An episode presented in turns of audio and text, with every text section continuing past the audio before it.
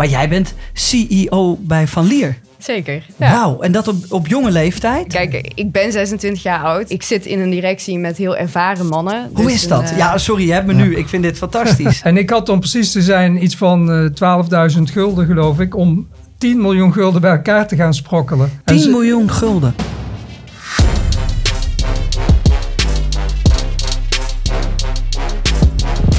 Welkom bij een, eh, een nieuwe podcast hier op eh, What the Finance. We hebben weer een, een, een fantastisch gezelschap hier. We gaan eh, praten over hoe je kan investeren in het bedrijf dat hier vertegenwoordigd is. Daar gaan we zo meteen het over hebben. Maar we gaan eerst even iedereen voorstellen. Bas, gezellig dat je er bent. Ehm, wat doe je? Yes, dankjewel Jay. Nee, mijn naam is Bas Jansen. Ik ben vijf jaar werkzaam voor Bondex Exchange. Kom van origine uit de goudwereld, later de transitie gemaakt naar de aandelenwereld. En ik ben mede verantwoordelijk dat Van Lier nu eh, op ons platform staat. Ja, van Lier. De, de- eh, het schoenenmerk. Al, eh, al, ja, al wil ik zeggen eeuw. Ik weet niet of dat klopt. Maar zo voelt het in ieder geval wel. Een van de, de leidende schoenenmerken in Nederland. En Geert, eh, jij was de CEO. Eh, Ja. ondertussen zit hij naast je. Maar ik zou toch graag even een introductie willen als het kan. Ik denk dat Bas met Van Lier ook eh, goud in handen heeft, inderdaad. En ik ben Geert van Spaanhoek. Ik ben de eigenaar van Van Lier. Sinds 1991 ben ik eigenaar. En, en ik eh, heb het bedrijf ook lange tijd zelf gerund. Inmiddels is er een CEO benoemd geweest voor Christina erbij kwam. En ehm, ik hou me nog wel bezig met de financiële kant van het bedrijf. En ook eh, begeleid ik mee de creatieve ontwikkeling, met name op productterrein ook. Goed. En dan de CEO, Christina. Ja, ik ben Christina van Spaanhonk. Ik ben 26 jaar oud en sinds januari CEO van het bedrijf. Ik ben een afgestudeerd econometrist, dus op die manier gebruik ik ook een beetje de data in het bedrijf. Eh, maar ik hou me voornamelijk bezig met eigenlijk alle facetten van het bedrijf om daar data gedreven te werken. Fantastisch. En voordat we verder gaan, eh, vanaf eh, nu, voor iedereen die zit te kijken of te luisteren, zijn jullie aandelen, in ieder geval een klein gedeelte van de aandelen, te verkrijgen op N-Exchange. Dat is leuk, daar gaan we natuurlijk zo meteen meer over, eh, gaan we het meer over hebben. Maar ik wil eerst wat meer weten over Van Lier zelf. Het is van familiebedrijf op familiebedrijf. Ehm, betekent dat dat jullie het hebben overgekocht? Precies. Ja. Als ik dat zo mag, eh, mag benoemen. Hoe is dat gegaan? Ja, dat heb ik dus in 1991 gedaan. Ja. Ja, de familie van Leer die was bijna 200 jaar al eigenaar, of 180 jaar, 190 jaar denk ik dat ongeveer was toen de tijd. En eh, toen ontmoette ik Peter en Chef van Lier, twee neven die toen de tijd eigenaar waren op een receptie. En op een of andere manier kwam daar iemand bij staan die zei, ja Peter en Chef, wat ga je nu met dat bedrijf doen? En toen zei ze, ja dat weten wij nog niet helemaal. En die man introduceerde mij meteen, ja je moet aan Geert verkopen. Dus eh, dat was eigenlijk de aanleiding. En ze reageerde daar niet negatief op. Waarop ik dacht, eh, dat was op een zondag geloof ik, op maandagochtend kom ik ga ze eens gewoon bellen en vragen of, eh, ja, of ze inderdaad daarover willen praten. Ja, zo is dat balletje gaan rollen toen. Maar Geert, dat, eh, ja, ik word heel vaak, zeggen mensen, ja, ken jij dat bedrijf? Ik kan, ik kan een hoop bedrijven niet kopen. Maar er is hoe, hoe gaat dat? Is dat? Moet je dan een, een geldbedrag neerleggen en dan zeg je, nou, hier is het Geert, alsjeblieft, van Lier is van jou. Waarom zou je het in godsnaam willen kopen? Eh, ja, hoe, hoe komt dat tot stand dan? Nou ja, ik had toen geen vermogen, maar dat was nog in de tijd eh, dat, dat je nog bij banken geld kon lenen om een bedrijf over te nemen. Dat Ja. was een beetje in die tijd nog eh, nieuw wel, dat soort eh, leverage buyouts zoals dat dan heette. En ik had om precies te zijn iets van eh 12.000 gulden geloof ik, om 10 miljoen gulden bij elkaar te gaan sprokkelen. En 10 ze- miljoen gulden. Ja, dus dat was de vraagprijs. Had een mooi afgerond bedrag. Ja, heel duidelijk. Ja. En hoe, is dat in, hoe, is dat, hoe ging dat in zijn werk? Nou ja, ik ben natuurlijk bij allerlei banken gaan praten. Ook met een aantal eh, private investors die dan later ook goed hebben kunnen uitstappen. En ehm, de Van Liers hebben ook meegeholpen. Dus een stukje van, het, eh, van de overnamesom kon ik dan later betalen. Ja, met heel veel passen en meten kreeg ik het eh, nog bij elkaar ook. Alleen net toen ik bij de notaris kwam, was het was 12.000 gulden en toen was de inleg voor een BV verhoogd naar 18.000. ik miste die 6.000 euro. Toen ben ik letterlijk mijn golfje gaan verkopen om de hoek. Terug naar de notaris en toen had ik mijn eh 6.000 euro erbij. Wat een En, fantastisch. Waarom, Ja. waarom, waarom wou je van Lier, van Lier kopen? Wat- Nou, ik had toen ook dat geloof meteen in het merk. Ik dacht, ja, je koopt 200 jaar historie, een merk wat opgebouwd is. Ehm, waar zoveel mannen ook toen de tijd al mee in aanraking waren gekomen. Omdat we toen ook veel verkochten aan het leger en de politie. Maar met name ook aan het leger. En toen had je nog verplichte dienstplicht. Of de dienstplicht bestond nog. Dus heel veel mannen kenden het merk al. Dus ik, ja, ik zag meteen wel alle mogelijkheden van het merk. Aanvankelijk geloofde ik ook wel in productie in Nederland. Maar uh, ja, daar ben ik wel op terug moeten komen dat dat niet uh, sustainable was om te doen. En waarom is, dat, is het in Nederland onmogelijk? Nou, in Nederland is het uh, in zoverre onmogelijk dat de infrastructuur aan het verdwijnen was. Dus vroeger had je nog rondom die, waar het bedrijf zat in Loon op Zand, Kaatsheuvel, had je ook de looierijen, de fabrieken die poetsdoeken maakten, zolen. Ook de machines. Je hebt behoorlijk wat machines nodig om schoenen te maken zijn vaak Italiaanse of Amerikaanse bedrijven. Die hadden daar ook servicebureaus waar technici zaten.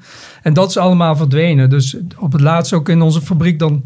Als dan een, machine uitviel, dan moesten we werkelijk iemand laten invliegen uit Italië... om, uh, om die machine weer aan de praat te krijgen. En dat is eigenlijk het probleem. Die infrastructuur is, is uh, verdwenen. En we hadden hoogwaardige schoenen, dus laat ik zo zeggen... wij konden nog wel met de loonkosten overweg in de fabriek zelf. Dat was het probleem niet. En dan nu uh, een kleine 15 jaar later? Nou nee, dat, dus nu zijn we wel een jaar... Het was in 1991 overgenomen. Oh ja. En natuurlijk in al die Sorry, jaren... ik dacht dat je zei 1999. Nee, nee, nee. 91. 91. ja, in 2005 is de productie afgebouwd, laat ik zo zeggen. In zoverre is het nu een kleine 20 jaar na, na de fabriek dan, als je het zo wil zeggen. Ja. En dan opeens uh, zijn we in 2023, wat voelt als jaren, misschien wel eeuwen later... En dan uh, wordt je dochter de, mag ik het zeggen, de grote baas? Ja, zo kan je het wel zeggen, ja. Ja, toch? Ja, ja ze noemen dat met dure woorden de CEO. Ik zie sommige mensen dat ook in hun Instagram-biografie uh, uh, zetten. En die hebben dan een, een eenmanszaak verkopen eigenlijk niets. Maar jij bent CEO bij Van Lier. Zeker, ja. Wauw, en dat op, op jonge leeftijd. Dat moet ook wat, uh, wat druk met zich meebrengen. Maar laten we eerst eens even kijken naar hoe is dat ontstaan? Nou, dat begon relatief makkelijk eigenlijk. Was afgestudeerd in econometrie. Um, had wel het idee van ik wil wat gaan doen, maar weet nog niet wat. Toen kwam corona en toen dacht ik, ga even zes maanden bij Van Lier zitten. Het bedrijf leren kennen. Het is een familiebedrijf. Uiteindelijk ga je dat ook een keer overnemen. Dus ik dacht, moet het wel leren kennen. Um, toen ben ik relatief snel al eigenlijk de data ingedoken van Van Lier. Uh, bleek veel meer informatie te zijn dan ik had gedacht. Uh, zeker omdat we nogal aan het groeien waren met de online verkopen. En dan ga je gewoon veel meer data verzamelen. En toen zag ik eigenlijk wel de kansen om gewoon met de data gewoon veel meer te doen, optimaliseren, uh, beslissingen ook data gedreven te doen, daar dashboards voor te gaan bouwen. Dus begon eigenlijk heel simpel met gewoon een projectje hier, een projectje daar. En uiteindelijk is dat nogal gerold naar een uitbreiding van het digital marketing team wat ik toen heb gedaan. Het team ook volledig opgezet. En toen kwam de vorige CEO, Paul Petit, naar mij toe met de vraag... ja, vind je het interessant om CEO te worden? Want hij ging op pensioen. Um, en dus in januari ben ik dat gaan doen. Eigenlijk, hij heeft me wel een jaar lang echt wel... Uh, ja, meegenomen in alle beslissingen. Meegenomen om ja, een soort van opleiding als CEO. Maar uh, ja, sinds januari doe ik dat. Ik ben jaloers. ja, ik zit te kijken en ik denk, wauw. Maar ik snap ook, uh, uh, mag ik je gewoon Jus zeggen? Ja, ja, Ik snap ook dat je dan op een gegeven moment denkt, nou, mijn dochter is CEO. Ik hoor er allemaal dingen doorvoeren waarvan ook mijn vader zou zeggen, nou, ik weet niet hoe ik daarmee om moet gaan. klikt dat tussen jullie? Gaat dat goed op deze manier? Laat je er helemaal vrij? Valt even een stilte. Ja. Helemaal vrij kan je niet zeggen. Nee. Kijk, ik ben 26 jaar oud. Dat, kijk, ik zit in een directie met heel ervaren mannen. Hoe dus is dat? Een, uh, ja, sorry, je hebt me ja. nu. Ik vind dit fantastisch. Um, het is ja, aan alle kanten heel interessant, als ik het zo kan zeggen. Je leert heel veel. En ja, onze voormalige CEO is een CEO met heel veel ervaring geweest. Daar leer ik enorm van, van hoe je dat doet. Hoe je goede beslissingen maakt, al die dingen. Um, hij heeft ook heel lang in de schoenenwereld gezeten, maar Geert ook. Dus op die manier leek ik ook heel veel van de schoenen, ja, industrie of markt af. Um, en op fi financiën gebied dan heb ik ook uh, Rob de Mond in directie zitten. Dat is dan weer een ja, echt een finance man. Die kan mij ook heel veel aanleren. Dus die, op die manier leer je eigenlijk zodoende CEO zijn en steeds verbeteren in hoe ik dat doe. Ja, supermooi. Ja. Geert, um, hoe ging dat proces voor jou? Want het zal voor, haar, het zal voor jou iets anders zijn geweest. Ja, natuurlijk. Je moet je, je, moet je gedrag veranderen dan. Dus eh, voor, voor iemand als ik die dat eh, loslaat. En wat ik eigenlijk probeer is wel alle ruimte te bieden. Ik kijk alleen naar de downside van de stappen die ze zet. Dus als Christina een plan heeft om iets te gaan doen, zeg ik niet van, eh, nou, dat zou ik nooit doen. Of dat mijn intuïtie zegt, doe dat vooral niet. Ik kijk alleen van, als je dat doet, wat is dan de downside en kunnen we die als bedrijf handelen? En eventueel zorg je ervoor dat dat contractueel klopt en ook in de, eh, zeg maar de financiële zin, hè, dat, dat de risico's die je dan aangaat voor het bedrijf ook goed zijn om tenminste goed te, te behapstukken blijven. En voor de rest denk ik dat je echt wel ruimte moet bieden ook voor nieuwe ideeën. En veel van die ideeën die zijn inmiddels ook al omgezet in succes. Dus Christine is met die data aan de slag gegaan. En heeft daar ook mensen een heel team op gebouwd waar ik gewoon geen verstand van heb en nooit zal hebben. Dus die ruimte hebben we ook gewoon gegeven. En dat, eh, dat, eh, dat zie je nu gewoon terug in cijfers en, en, en succes. Dus dat vertrouwen groeit nu ook heel snel. heb je een case waarvan je zelf denkt, nou dat was een succes, die had ik niet zien aankomen? Die ze er zelf digitaal doorheen heeft gepusht? Ja, dan zit ik even te kijken. Ja, er zijn vaak allerlei campagnes natuurlijk die je hebt gedaan. Hè, met TikTok en zo. Dat ik denk van... Nou, ja, ja, dit bedoel ik. dat is toch voor, fantastisch. Is toch voor kleine kindjes die... Uh, ja, ja, maar, ja. ja. maar het succes is er wel. En dat, dat is ook mooi in een familiebedrijf. Dat er dan iemand instapt. En helemaal je dochter op jonge leeftijd. Die CEO wordt. Die ineens in best wel een mannenwereld volgens mij zichzelf staande moet houden. Uh, door middel van digitalisering probeer je toch wat, wat meer grip te krijgen op de wereld. Dat kan dan gelukkig volgens mij op die manier ook. Maar het lijkt me ook best wel, best wel eng om me steeds te moeten verantwoorden. Ja, verantwoorden. Ik bedoel, ik bespreek eigenlijk alles wel nogal voor. Ik ben een enorme communicator, als je het zo kan noemen. Dus ik vind het wel goed om eigenlijk alles wel te bespreken. Ehm, als ik over mijn eigen succesverhalen mag praten, zou dat zijn um, om de advertenties en de manier waarop we echt de klanten aanspreken, om die een stuk persoonlijker te maken. Um, je merkt wel dat vanuit een brand dat het vaak komt vanuit wat is je merk en dan ga je zo'n klant echt aanspreken. Um, wij zijn eigenlijk een beetje gaan kijken naar de omgekeerde manier. Dus hoe ziet een klant jou en hoe kan je eigenlijk het beste een klant goed aanspreken om een echte connectie op te bouwen met die klant. Um, dat hebben we eigenlijk op alle vlakken gedaan, van e-mailmarketing tot aan alle social posts en al die dingen. Uh, echt een goede community manager ook aangenomen. Dus op die manier spreek je eigenlijk je klanten beter aan. En dat zie je dan ook gewoon terug in de cijfers en de verkopen. Maar ook de manier waarop onze klanten reageren op ons is veel enthousiaster, zijn ook veel meer bezig met je merk. Ja, fans kan je het bijna noemen van je merk. Dat is een beetje wat we proberen te creëren. En daar ben ik dan wel echt heel trots op dat we dat zo uh, kunnen uitbreiden. Dat is ook natuurlijk wel een leuke stap naar, ja, om naar een exchange te gaan. Ja. Dat biedt juist de mogelijkheid om dat ook te doen met je investeringen. Ja, je maakt een goed bruggetje. Ja, want dat is de, was dat jouw idee? Niet mijn idee uh, oorspronkelijk. Geert nee. kwam daar wel echt mee. Maar uh, ik vind het wel echt een heel leuk idee. En het past wel echt heel goed bij het Want dat is die community die jullie dan nu proberen te bouwen. En dit is dan die, dat, dat volgende stapje, denk ik. Nou ja, het was jouw enthousiasme, laat ik zo zeggen. Ik heb uh, allerlei opties geopperd van wat, wat we kunnen doen. En ja, ik denk wel dat jij de driver bent om dit op te pakken en nu ook door te zetten. Ja, Bas, Bas hoe heb jij dit ervaren? Want jij bent natuurlijk degene die dat dan allemaal Krijg je dan een mailtje binnen? Word je dan gebeld? Ineens hangt van Lier. Ja, ik zou, ik zou ineens denken, wow, wat is dit? Nou, ik weet nog wel wat met eerste bijstond. Is, ja. uh, nou, mijn collega Tom, die had het eerste gesprek ook met jullie. En nou ja, van Lier, iedereen die kende het wel.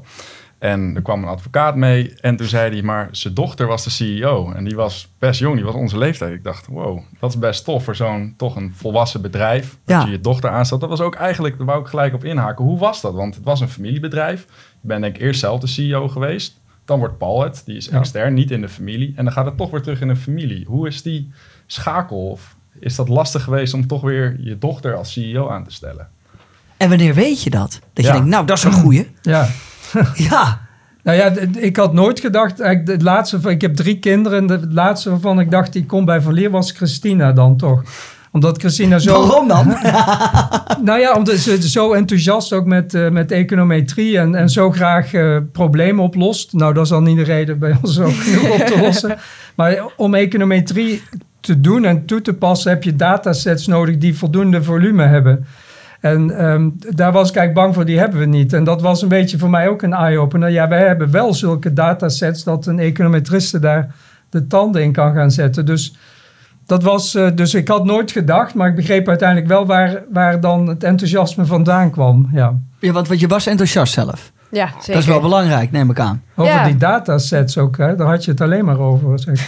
Wat even voor ons, Schoenen niet datasets. zozeer. Neem ons eens mee in datasets. Waar hebben we het dan over? Ja, dat is een goede vraag, want big data wordt echt overal geroepen, als Ja. je het zo kan noemen. Eh, een dataset, ja, dat is eigenlijk, als je het zo bekijkt, kolommen en rijen. Eh, je moet genoeg kolommen hebben, dus genoeg variabelen, dus genoeg informatie over één persoon, als je het zo kan zeggen, over één schoen. Je wil eigenlijk genoeg informatie hebben over iets waarop jij iets wil gaan ja, concluderen, als je het zo kan zeggen. Dus als je wil weten wat een klant interessant vindt, moet je best wel veel informatie over die klant weten.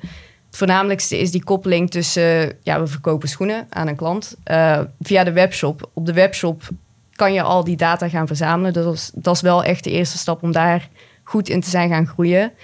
Ehm, en dan vervolgens ja, laat je mensen een account aanmaken en ga je hun ook mailen, zie je ook wat zij interessant vinden.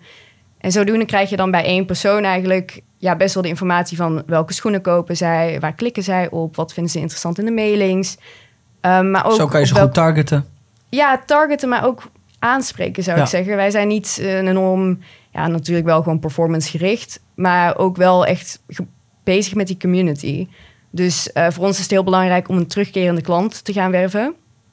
Dus op die manier wil je eigenlijk de informatie weten van wat vind jij leuk aan Van Lier en hoe kunnen we je daar het beste in begeleiden binnen Van Lier dan en om een echte fan te worden. Ehm, ja, big data is dan wel dat je toch gewoon echt heel veel mensen, heel veel klanten hebt Ja. en heel veel aankopen, als je het zo kan zien, om zo te zien wat ja, een beetje goed werkt. Ehm, maar we doen het alleen niet, niet alleen in de marketing, we doen het ook in bijvoorbeeld de inkoop. Dus hoe goed lopen schoenen weg? Eh, wat kan je verbeteren aan schoenen? Je probeert ook een beetje de reviews en ratings bij te houden. Maar ook de klachten. Waarom sturen mensen schoenen retour? Wat zijn er ja, misschien probleempjes met schoenen? Dat soort informatie houden we dan ook bij om vervolgens te zien van wat voor schoenen kunnen we dan gaan verbeteren? Of wat zijn punten die misschien niet zo goed lopen bij schoenen? Welke schoenen moeten we meer inkopen? Waar moeten we de volgende keer op focussen? En dan heb je die inkoop, dan heb je de klanten en dan kan je weer gaan zeggen: Oké, deze schoenen werkten goed. Meer advertenties op die schoenen. En zo ga je eigenlijk de hele tijd een proces in voor een verbetering. Nou, mocht je, mocht je ooit weg willen bij Van Lier, ik heb nog wel een plek voor je. ja, want dit is natuurlijk de nieuwe wereld. Geert, sta je daar wel eens zo'n soort van met, met je ogen te klapperen? En dat je denkt, wauw, waar, waar hebben we het nu over? Big data. Ja, dit Maar is het helpt het bedrijf natuurlijk wel. Precies, en dit is natuurlijk het dilemma van intuïtie en data. En daar hebben we het wel vaak over van... Intuïtie heeft ook nog een waarde en daarop runde ik het bedrijf misschien voornamelijk. Ehm, en ik zie nu wel dat data je corrigeert vaak in, in die intuïtie. En dat in die intuïtie ook een heel stuk eh, ja, niet, niet werkt. Maar je wilt de intuïtie ook niet uitschakelen. Die heb je opgebouwd in tientallen jaren. En ehm, ja, dus daar moet ik aan wennen. Laat ik zo zeggen om die balans te vinden van waar vertrouwt die data. Maar ik moet ook wel toegeven dat dat, je, dat dat gewoon beter werkt. Je neemt toch minder risico's. Je begint steeds kleine stapjes te zetten die met data te checken en dan eh, bouw je pas iets uit. En vroeger had ik dan meer zoiets van, nou, ik weet zeker dat die schoen eh, super succesvol wordt, dus we kopen er meteen 5000 paar van of zo. En dan, eh, ja, dan kon er wel eens tegenvallen. Ja. Dus in die zin word ik wel eh, gecorrigeerd daarop. Maar dat blijft natuurlijk nog wel ook nu een beetje de balans. Maar gelukkig, Christina wil die intuïtie ook wel meenemen. Maar die moet ook niet overheersen. Dus dat is eigenlijk waar je de balans zoekt. Waar je ook met z'n tweeën die balans zoekt Ja, natuurlijk. ja, klopt. We hebben nu heel veel over, over data gehad, over hoe, hoe de processen nu werken, dat dat toch wat anders is. Maar wat maakt Van Lier voor jou zo bijzonder als merk zijnde? Buiten alle data om. Op intuïtie en op gevoel. Ja, als je het zo bekijkt, het is een herenschoenenmerk. Ehm, voor mij zit de potentie erin dat zoveel mannen het merk kennen. Eh, dat maakt het dan ook wel heel speciaal dat het een bepaalde uitstraling heeft waar je echt op kan gaan bouwen. Ehm, ik kijk dan ook wel naar de toekomst, dat wil ermee. We willen natuurlijk ook wel gaan kijken naar dameschoenen, een collectie daarin uitbreiden. Dat is voor mij heel interessant. Eh, maar ook naar internationalisering, naar België en Duitsland. Het merk is het hele speciale. Zo'n geschiedenis in het merk en zo'n stand in je markt. Ja, dat kan je niet kopen. Kan je niet zo. zomaar kopen, Dat, nee. dat is toch gewoon echt wel al die geschiedenis die erin zit. Ehm, en wat, waar ik enorm op steun is natuurlijk een heel dedicated team. Een, bedrijf, zeg maar een heel bedrijf vol met werknemers die echt heel enthousiast zijn over het merk. Die er wel echt vol voor gaan. En op die manier zit je ook wel in een bedrijf die gewoon vooruit wil. Die wil innoveren, die wil de toekomst in. En Want dat, beslis jij ook, dat is wel lekker. ja. Beslis ik mee, ja. Ehm, ik, ik neem daar wel grote stappen in, eh, omdat ik daar best wel... Ik voel me daar goed bij. Ik vind dat ook wel leuk om te doen. Ik neem geen onnodige risico's, maar... Geert heeft me ook wel al- altijd aangeleerd om risico's te nemen. Je kan anders geen succes intuïtie. opbouwen. Ehm, is ook wel echt intuïtie. Ja. Ja. ja, en op die manier maakt het het bedrijf ook speciaal dat je die stappen kan gaan maken, dat je die risico's kan gaan nemen. En dat sommige ook gewoon echt goed uitpakken. Dat is natuurlijk wel het leukst. Is, is jullie gedachte anders over Van Lier? Hoe zou jij het omschrijven? Want dit was natuurlijk best wel een, eh, een, een sterk antwoord uit een, iemand die met data omgaat. Maar ik denk bij jou dat het om, om ja, wat is het, om, om, om de schoen gaat en om hoe het gebouwd is en de geschiedenis. En, Ja, natuurlijk. Maar uiteindelijk dat merk, wat Ja. Christine ook al zegt, dat blijft het belangrijkste. En je mag nooit iets doen wat je merk, zeg maar, beschadigt of... eh, omgekeerd, eigenlijk alles wat je doet, moet het merk versterken. Dat Ja. is altijd mijn leidraad geweest. En of je eraan verdient, dat is dan eh, mijn tweede. Bij een merk als Van Lier, wat zo lang al meegaat, komt dat uiteindelijk wel. Die, die cashflow, die, die was er altijd. En dat zal eens een keer iets minder of meer zijn. Maar als je zo'n merk maar blijft laden... en dat doe je natuurlijk door campagnes... maar ook gewoon de energie van de mensen... om mooie producten te maken... en daarom willen we ook mooie schoenen daaronder maken... dan, dan bouw je gewoon waarde op. Dus dat is eigenlijk de, waar ik toch, wel herken wat jij nu zegt. Dus dat, eh, ja, dat is ook wat mij altijd, eh, laat ik zo zeggen, gedreven heeft met het bedrijf. Hoe ik daarmee omgegaan ben. En met de producten dus. Ja. Bas, jij bent nu eh, verantwoordelijk voor, voor Van Lier.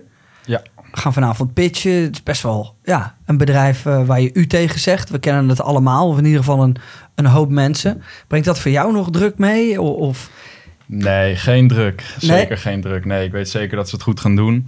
Ik Waarom denk- dan? Waarom weet je dat vind- zeker? dat vind ik een mooi verhaal waar jullie het net over hebben. Ik denk dat we steeds meer een transitie zien van intuïtie naar data. We hebben het net over data wordt zo belangrijk. Mijn ouders komen toevallig ook uit de modewereld. En dat is ook, zij doen nog steeds alles op intuïtie. Als een merk leuk is, kopen ze het goed in.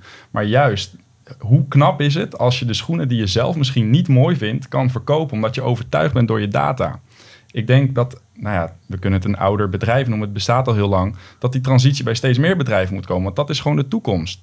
Ik ken jongens in de e-commerce wereld die doen puur data, alleen maar data. Het maakt niet uit hoe het eruit ziet. Als het verkoopt, Facebook-statistieken, allemaal statistieken, daar ga je naar kijken of je het mooi vindt of niet. En dat vind ik wel echt heel knap. En ik denk dat jullie daar echt een juist moment voor hebben gekozen met die transitie, want dat speelt nu heel erg. Ja, en hoe, hoe kunnen zij daar nu eh, bij N-Exchange, hoe, hoe, hoe ga je daarmee om met die data, maar ook nu met het verhaal en alles? Doet dat iets af aan het feit dat het zo'n oud merk is? is Nou, ik denk dat je daarmee wel gewoon een hele mooie groei kan. Tenminste, je wil gaan groeien. En je hebt ook een duidelijke reden waarom je gaat groeien. Er komen bedrijven bij ons terecht en die zeggen we gaan groeien. Ja, maar hoe dan?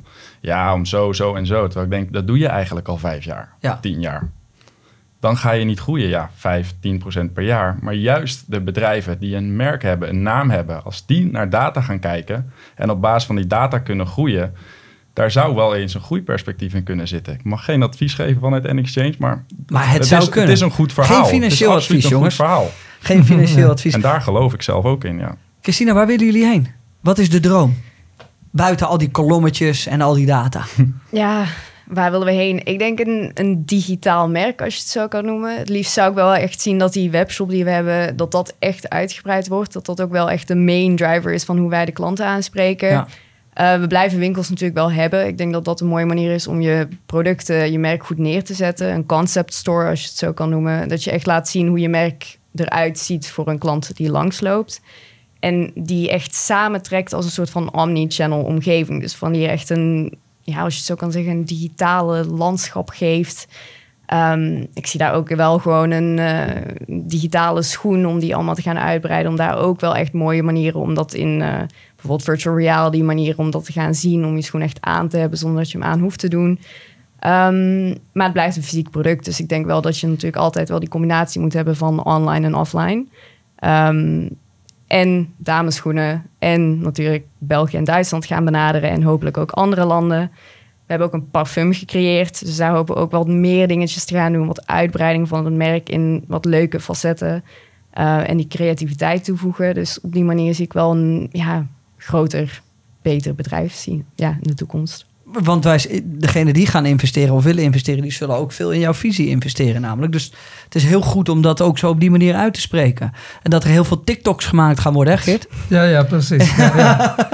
Nee, maar daar wil ik wel op inhaken. Ik Ja. denk dat Van Lier ook wel een paraplu-merk is waar meer onder kan eh, schuilen, zeg maar. Dat denk ik zeker, ja. Hey, vanavond gaan jullie pitchen. Mhm. Wat willen jullie bereiken? Wat gaat er allemaal gebeuren? Bas, zal ik eens bij jou beginnen?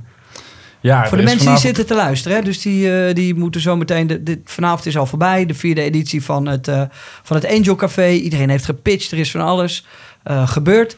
Maar wat, wat gaat Van Lier doen? Want we, we doen alles in de beschrijving zetten, zodat mensen het nog kunnen checken hoe het is gegaan. Welke kant gaan ze nu op? Nou ja, dat gaan ze vanavond vertellen. Nee, vanavond is denk als je er vanavond niet bij bent, ben er volgende keer wel bij. De bedrijven die bij ons live staan, gaan noteren waarom moet je in ze investeren. Ik denk dat dat een hele leuke manier is om je propositie te delen. Als je dan niet daarvoor komt, kom dan voor de mooie locatie en het no- netwerken met iedereen. Hey, ik denk dat het een superleuk evenement is met heel veel verschillende type mensen. We hebben investeerders, we hebben start-ups en we hebben de bedrijven die pitchen. Ja. Ik denk dat dat een hele leuke groep ook met zich meebrengt. En dat we daar ja, leuke informatie en leuk contact uit kunnen halen. En mensen kunnen vanavond eh, aandelen gaan kopen. Ja, nu eh, ook al. Oh ja, nu al. Ja, nu al. Ja. Ja, dat, maar- ja, maar dus nu al. Mensen kunnen nu al aandelen gaan kopen. Waar komen die aandelen vandaan, Geert? Nou ja, die zijn aandelen uit mijn bezit. Dus Precies. ik verkoop eigenlijk een deel van de aandelen. Ja, Ook om daarmee ruimte te bieden. Eh, Ook de aandelen zijn relatief goedkoop, maar 80 cent. Om die community op te kunnen bouwen van, van fans die ook mede aandeelhouder worden van het bedrijf. En dus de driver is niet zozeer eh, de hoeveelheid eh, die we ophalen, als wel ook dat doel gaan bereiken, die community creation. En eh, een deel van die opbrengst stort ik wel terug, eh, 25% in het bedrijf, om de plannen van Christina te realiseren. en wat zijn die plannen, Christina? Maar die ook net uitgelegd met parfum, internationalisering, Oh ja, ja. dameschoenencollectie ook zeker. Eh, en natuurlijk wel het digitale bedrijf. Dus gewoon echt eh, in de webshop, in de in het digitale landschap, als je het zo kan noemen. En hoeveel aandelen worden er vanavond uitgegeven? Of vanavond, over het algemeen, sorry. Ja, het- gaat nu in de start over ongeveer 9% van de aandelen. En dan komt nog een tweede tranche van nog 9%. Dus totaal zou dat tegen de eh, ja, 18,75% van de aandelen zijn die dan eh, genoteerd staan. Wauw, dus bijna 20% van de aandelen zou in handen kunnen komen van de, de community. Nieuwe aandelen van de ja, community. de fans. Ja, dus ja. die denken, hey, ik Ja. wil toch wel bij Van Lier horen. En ook eventueel bij het succes in de toekomst. En een stukje van, eh, van, van het heden meenemen. En ik kan daar dus nu in investeren. En dat is dat, dat stukje dat voor mij zou kunnen zijn. Ja. Leuk, wel een, eh, een grote stap op deze manier. Zie je niet zenuwachtig? Nou, niet zozeer. Ik bedoel, eh, het is natuurlijk een grote stap, maar Ja. ik denk. eh, kijk, we zijn nu meer dan 200 jaar oud en er zijn heel veel momenten geweest dat je grote stappen Ja. moet nemen. Ik heb ook ooit besloten om de fabriek te sluiten en met partners gaan werken in het buitenland.